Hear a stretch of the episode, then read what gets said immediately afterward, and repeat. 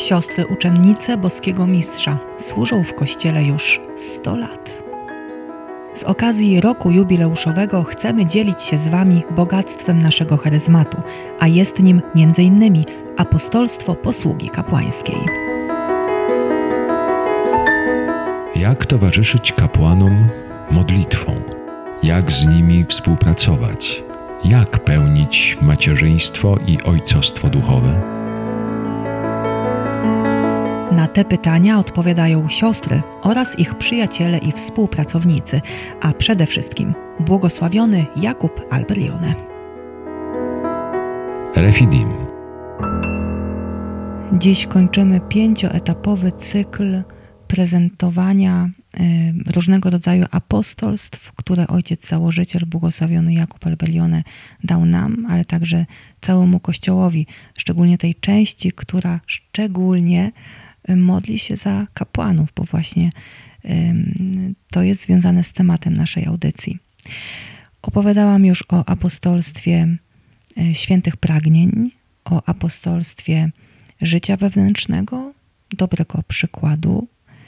Tydzień temu było o apostolstwie cierpienia, a tym razem będzie o apostolstwie modlitwy.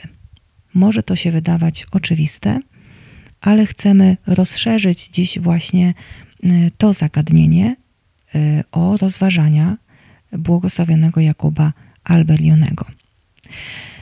Y, apostolstwo modlitwy to przede wszystkim świadome, pełne uczestnictwo w Eucharystii. Ojciec założyciel mówił, że nie tylko to, co robimy dla kapłanów zewnętrznie jest ważne, to znaczy nie tylko służenie w zakrystii, ale także modlitwa podczas Eucharystii, to znaczy łączenie się z intencjami kapłana podczas y, samej celebracji. Ojciec założyciel podkreślał, że celebracja eucharystyczna to dziękczynienie, uwielbienie, prośba i wynagrodzenie i trzeba coraz głębiej przeżywać Eucharystię, właśnie w duchu kapłańskim, jak on to określił. Mieć współudział w łaskach wysłużonych i wymodlonych przez kapłana w czasie mszy świętej, nie tylko modlić się za kapłanów w trudnościach, ale także w tym, co dobre, o umocnienie, o światło, o pomnożenie owoców kapłańskiego życia celebransa. Na świecie jest 400 tysięcy kapłanów, pisał założyciel w latach 40. ubiegłego wieku. To znaczy, że w każdej minucie dokonuje się na ziemi 4 do 5 konsekracji. Jakimże skarbem jest łączyć się ze wszystkimi. Żyjcie mszą świętą z Jezusem złożonym w ofierze, Jezusem boskim barankiem, zabitym i żyjącym. O, jeśli byście to zrozumiały, o ileż radośniejsze byłoby wasze życie, ileż pobożniejsze, skuteczniejsze, bardziej zasługujące, ileż pomogłoby się duszom, kapłanom, całemu światu. Założyciel bardzo zwracał uwagę na intencje. Już o tym kilkakrotnie mówiliśmy, że ta podstawowa intencja to chwała Boża i zbawienie ludzi. E, przychodzimy na msze z różnymi swoimi intencjami, także czyimiś. Zabieramy intencje tych, którzy prosili nas o modlitwę. Ale, pisał założyciel, czy przyszło nam do głowy wzbudzić taką intencję, żeby ten kapłan, który e, ją odprawia, e, dziś miał święte myśli, żeby miał czystą intencję, żeby był bardziej skupiony, żeby podobał się Bogu w tej celebracji i w całym swoim życiu, żeby się nawrócił, jeśli tego potrzebuje, żeby szczególnie doświadczył Bożej miłości, żeby umocnił swoją wiarę, mm, żeby otrzymał obfite owoce tej ofiary, żeby głębiej zrozumiał swoją tożsamość, e, żeby dzisiaj miał światło i siłę na to, co musi wykonać. E, bo czasami wydaje mi się, że kapłan to osoba najbardziej zaniedbana pod względem modlitwy. Przynosimy na Eucharystię wiele intencji, ale o samym celebransie nie pamiętamy. Można też dziękować za kapłana, który odprawia mszę świętą, za wszystkich kapłanów, którzy dziś sprawują Eucharystię. Mm, także wynagradzać. Zdarza się, że kapłan, że wiemy coś y, o kapłanie, który y, sprawuje Eucharystię, że go znamy, że wiemy za co wynagradzać, że Duch Święty nam podpowiada, zróbmy to. Zdarza się też, że kapłan popełni samobójstwo. Mm, y, trzeba wynagradzać, włączyć w te intencje naszej Eucharystii te wszystkie nieodprawione przez niego msze święte, te, które były w Bożym planie. Y, potem założyciel mówił o medytacji Słowa Bożego. To też bardzo ważna forma modlitwy.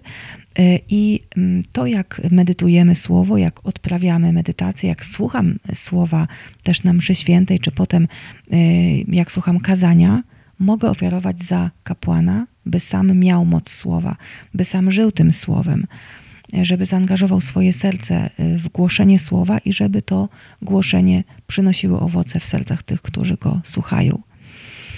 Y, potem jest oczywiście adoracja. Założyciel mówił, że w niebie będziemy kontynuować tę misję, którą pełniliśmy na ziemi. Jeżeli adorowaliśmy Jezusa, będziemy to kontynuować w wieczności. Niebo to jest liturgia niebiańska, której przedsmak, przedsmaku właśnie doświadczamy w Eucharystii. Wielu świętych mówiło, że w niebie będzie miało pełno pracy. Na przykład y, święta Teresa Wielka, czy, czy mała święta Tereska, lub nasz założyciel także, że y, z nieba będą nas wspierać, modlić się, tak jak za życia.